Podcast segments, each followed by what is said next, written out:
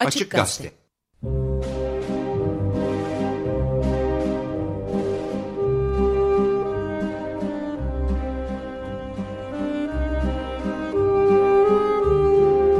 Açık Bilinç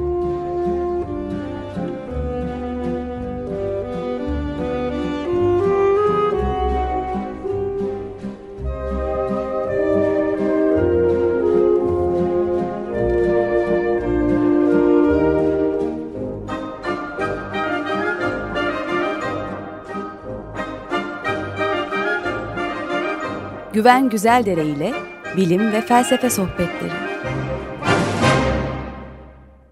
Günaydın Güven Bey, merhabalar. Merhaba, günaydın. Günaydın Güven Bey.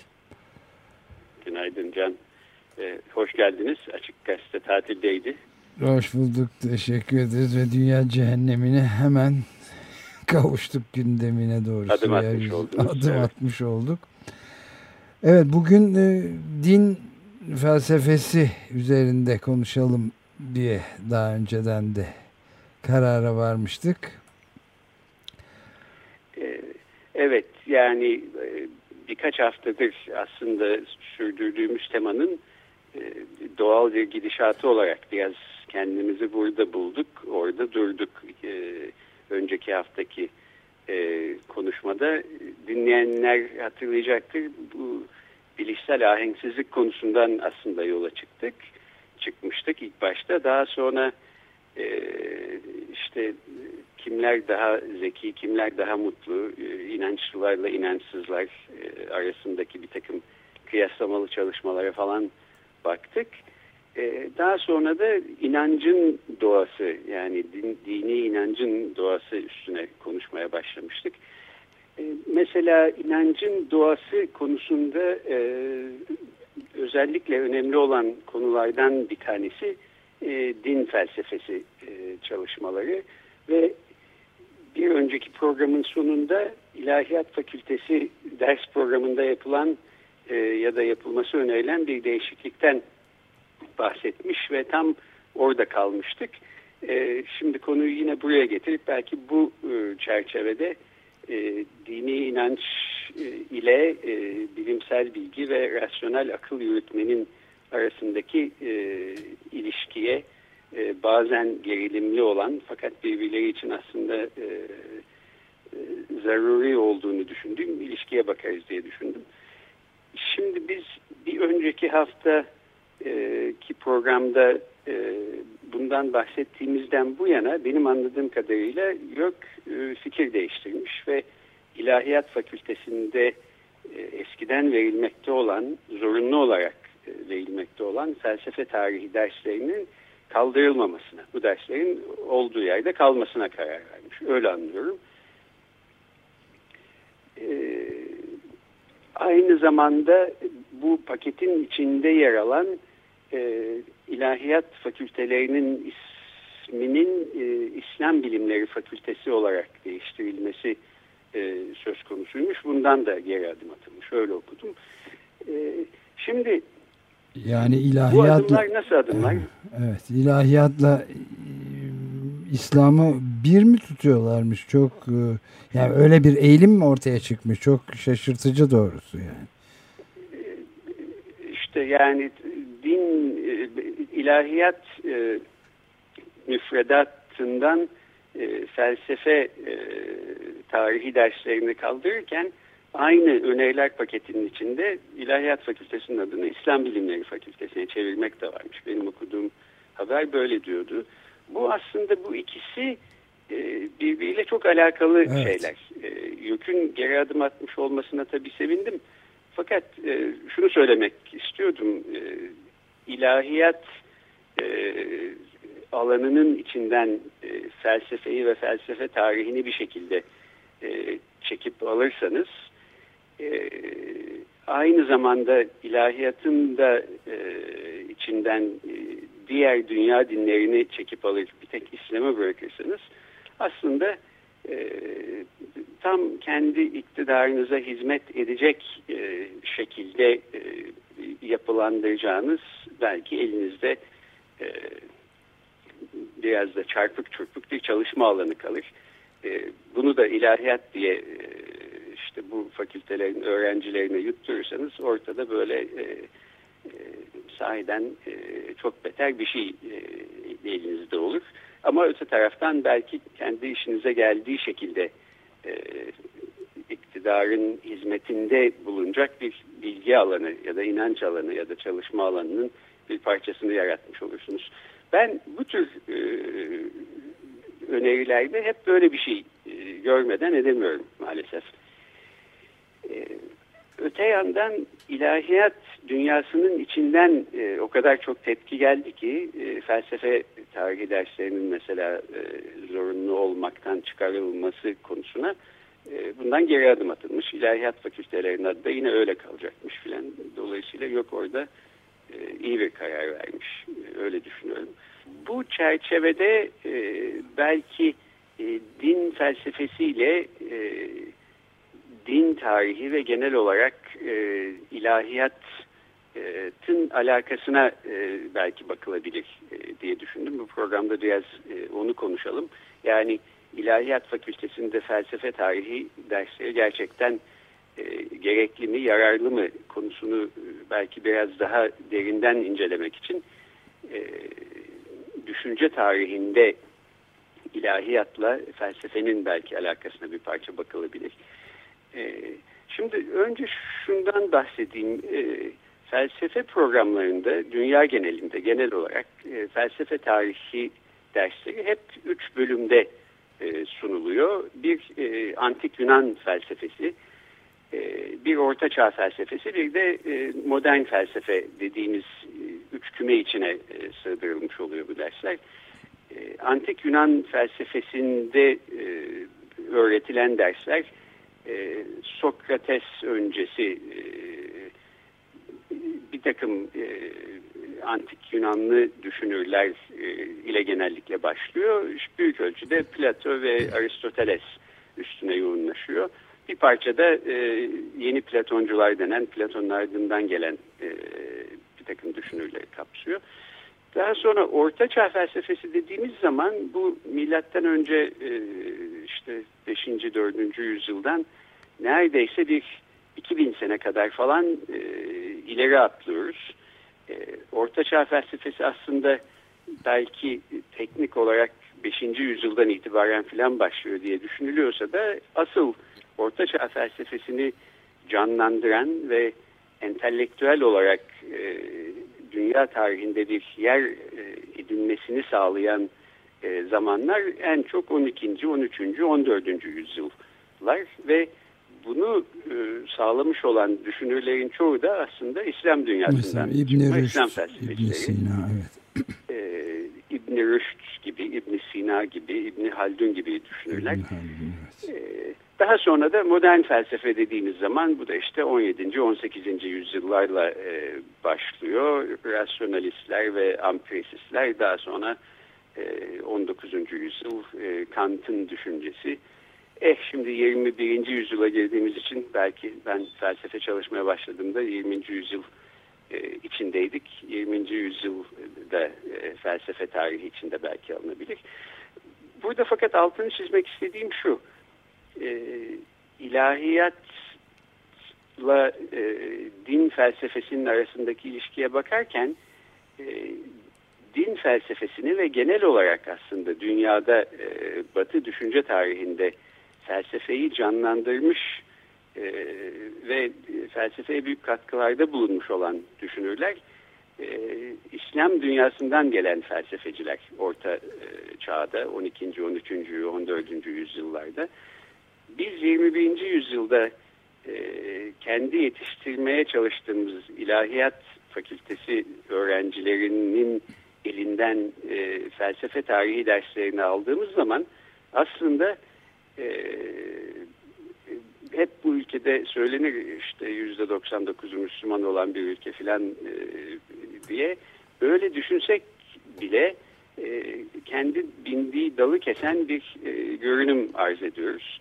Evet bu noktada da şeyi de belki söylemek lazım yani kadim Yunan felsefesini e, de hiçbir şekilde e, yani İbn Rüşd, İbn Sina gibilerin özellikle İbn Rüşd olmadan öğrenmekte imkanı olmayabilirdi Batı dünyası için söylersek. Tekrar kendini keşfetmesi ve Rönesans'a gitmesi filan da e, bu İslam düşünürleri, felsefecileri üzerinden oldu da diyebiliriz herhalde değil mi?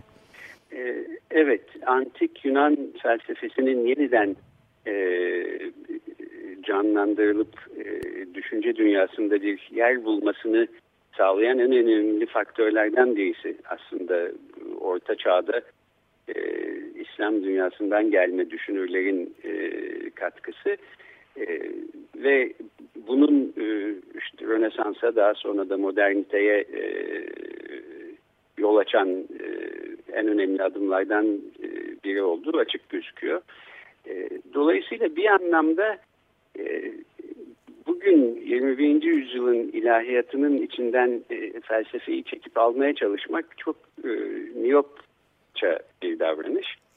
E, öte yandan e, bu tür önerilerin e, neye hizmet ettiğini düşünürsek belki o kadar miyopça da değil. Yani e, eğer burada iktidarın yapmaya çalıştığı e, kendi işine geldiği şekilde e, ilahiyatçılar belki yetiştirmekse e, aklın yolundan gitmek yerine e, o zaman belki de doğru bir şey yapıyorlar. İlahiyatın içini felsefeyi alarak e, boşaltmaya çalışmakla.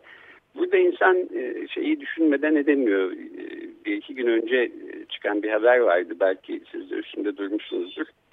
E, Dolmabahçe'deki caminin imamını galiba başka bir yere e, sürmüşler. Evet. E, e, Gezi'deki direnişçiler oraya e, e, gidip e, or, oraya sığındıkları zaman e, iktidarın söylemini paylaşmak e, konusunda dirençli davranmıştı imam ve doğru bildiğini söylemişti.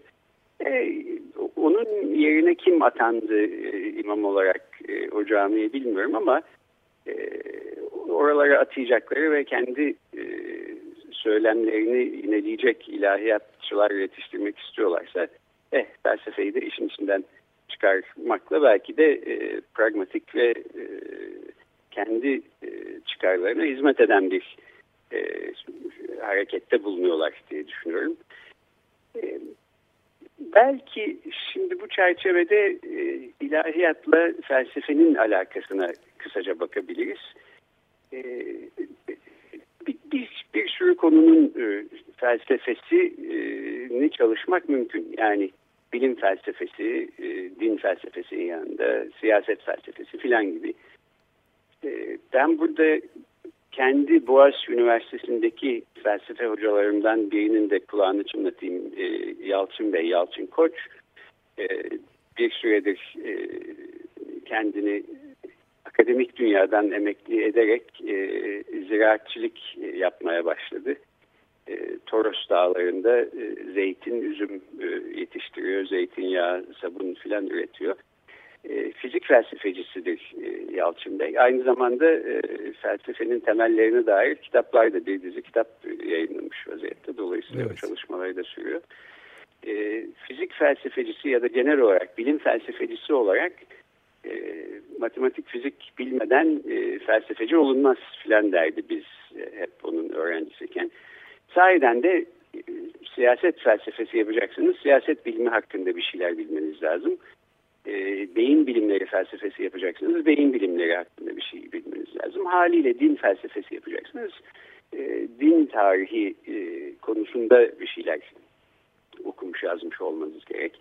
Fakat bu ilişkinin öbür tarafı bence daha da önemli. E, yani ilahiyat konusunda çalışacaksınız. E, felsefe bilmeden bir şey yapmanız e, gerek ilahiyatın insanlık düşünce tarihindeki yerini anlamanız gerek e, konuların e, metafiziksel konuların e, derinliğine nüfuz etmeniz bana neredeyse imkansızmış gözüküyor. Bunlar üstelik çok canlı konular. Bir önceki haftanın sohbetinin sonlarına doğru bir yerde bu yeni Papa'nın e, ateistler de cennete gidebilir dediğinden bahsetmiştik ve galiba bunu Can sormuştu. E, Tanrı istese e, ateistleri sahiden cennete e, gönderebilir mi diye. Bu konu hala aslında gündemde öyle gözüküyor ve bu yeni e, Papa, Papa Francis e, Katolik dünyasında e, belki bütün dünyayı da şaşırtacak şeyler söylemeye devam ediyor. Geçenlerde de mesela e, eşcinseller Katolik Kilisesi e, e, şey e, kendini e, kürtajla, eşcinsellerin hayatı falan gibi konularla e, kafasını oraya takmış vaziyette gereksiz işler yapıyor falan gibi bir e, şeyde bulunmuş. Bir yorumda bulunmuş. E, anladığım kadarıyla e, belki Katolik Kilisesi'nin şimdiye kadar sürdürdüğü çizgiden farklı bir çizgi e, izlemek istiyor. E, tabii Vatikan çok büyük bir kurum, çok yerleşik bir kurum ve aslında Vatikan'ın gücü herhalde en tepesinde oturan insanın, Papa'nın gücünden belki toplamda baktığınızda daha fazla. Nitekim Papa e, evet ateistleri de e, Tanrı cennete gönderebilir dediği zaman hemen Vatikan'dan bir e, küçük nazik ama içinde bir düzeltme havası olan bir not e, gelmişti. Bir açıklama yapılmıştı. Aslında e, durum biraz daha karışık. Tam da öyle değil filan kabilinden. E, Al, almayabilir yani Tanrı öyle mi ateistler? E, almayabilir evet. E, hatta almaması gerekir bile de denebilir.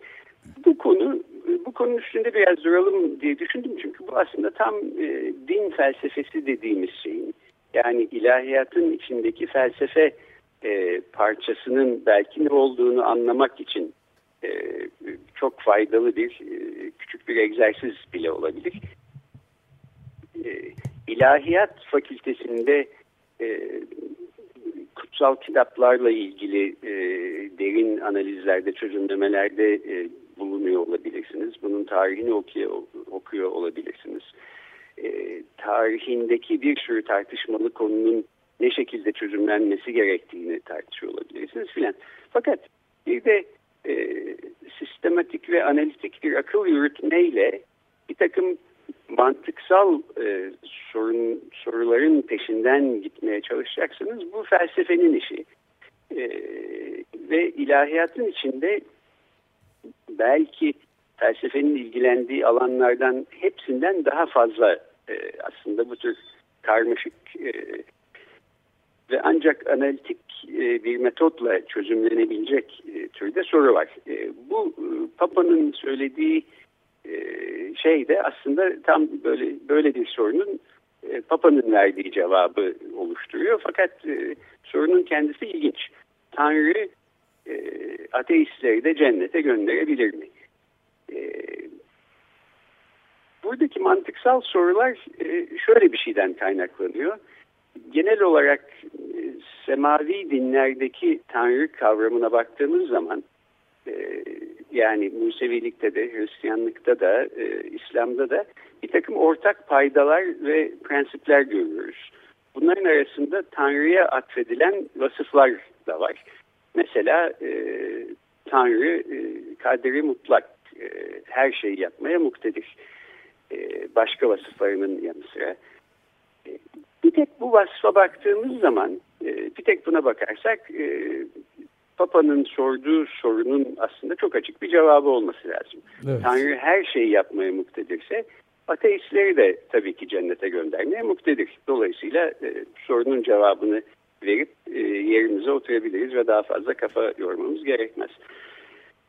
Fakat e, mesele tabii bu kadar basit değil. Bir kere e, mutlak güç kavramının içinde bir takım çelişkiler olabilir. E, öncelikle bunu irdelemeye başlıyor felsefe. E, şöyle çok basit bir soru soruyor din felsefesinde e, sıkça bu, bu konulara giriş için e, kullanılan örneklerden birisidir. E, Tanrı mesela e, kendisinin bile havaya kaldıramayacağı kadar ağır bir kaya parçası yaratabilir mi? Şimdi bu çok çocukça ve basit bir soru gibi gözükebilir. Fakat aslında içinde gerçekten mantıksal bir ikilem barındırıyor.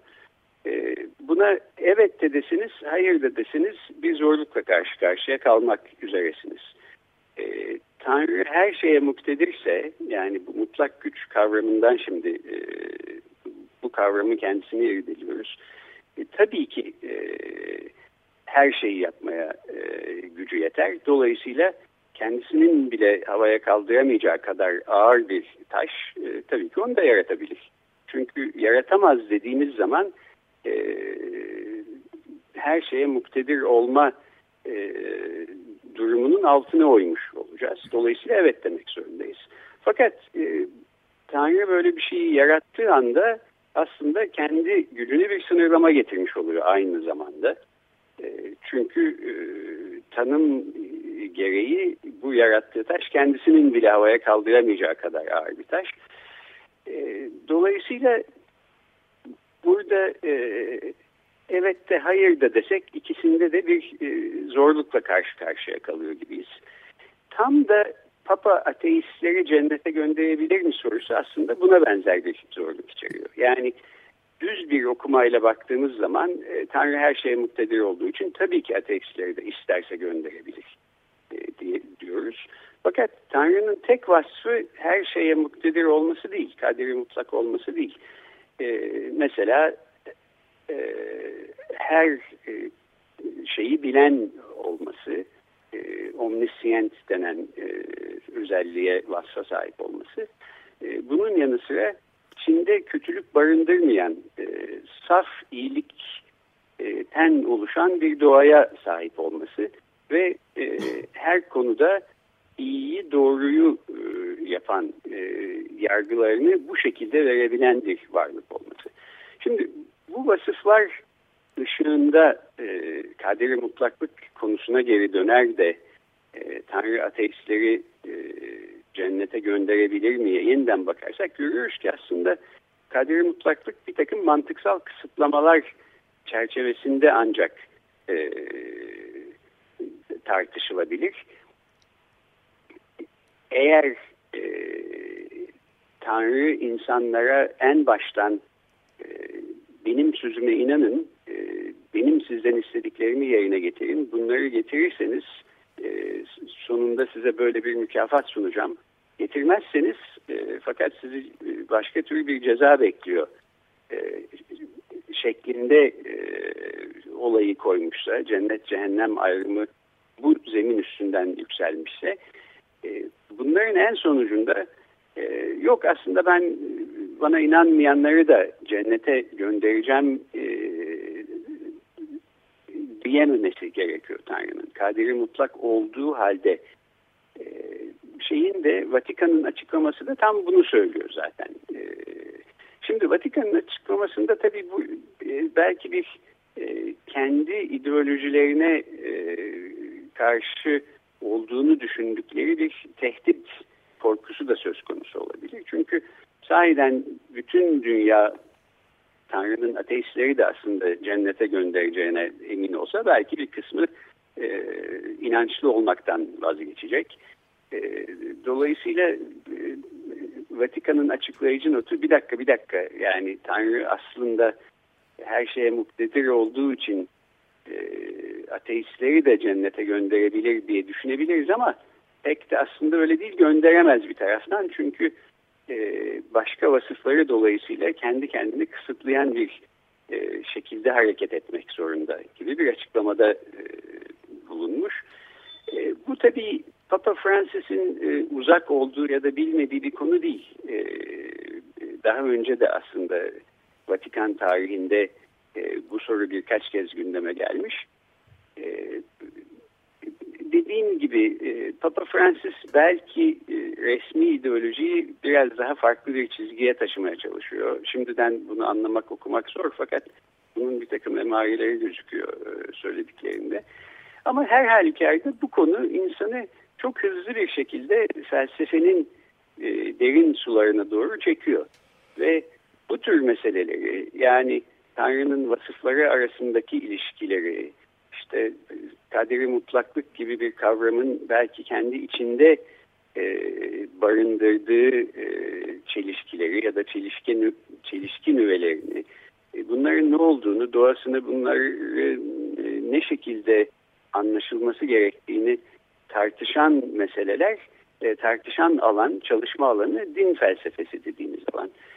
E, burada e, bu tartışmanın içinde mesela illaki e, eski ahite ya da yeni ahite ya da Kur'an-ı Kerim'e e, ya da bu kutsal kitapların içindeki bir e, metne direkt bir gönderme söz konusu değil. Biraz daha soyutlanmış bir düzeyden genel prensipler e, bazında bir akıl yürütmeden bahsediyoruz.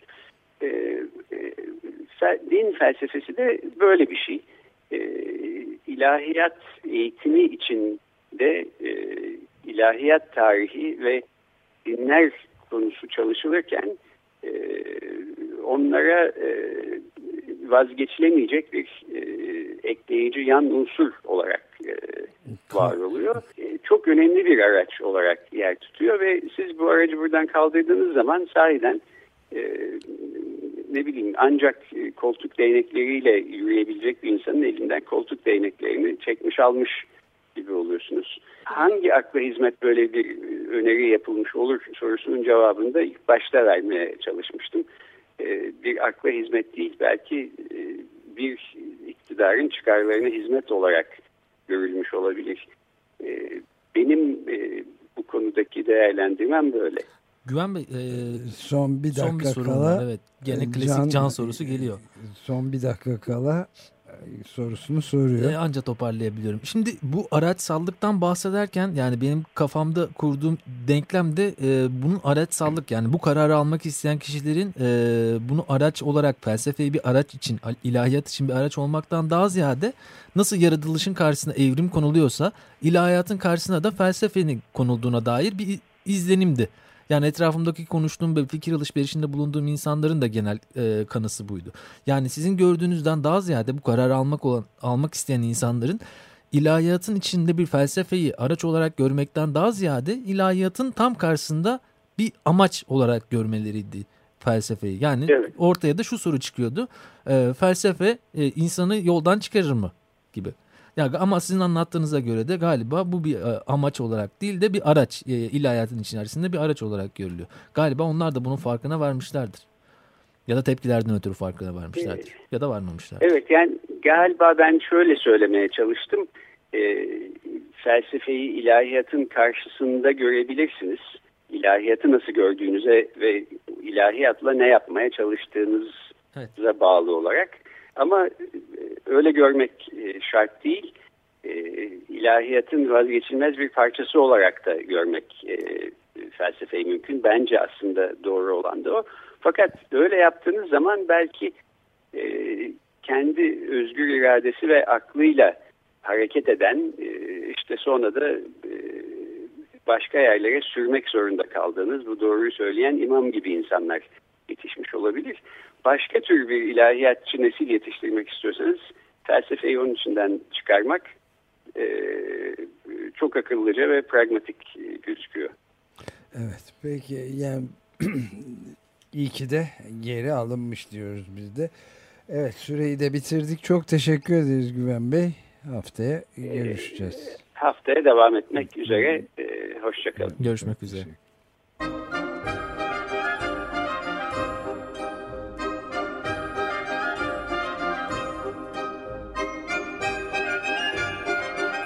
Açık Bilinç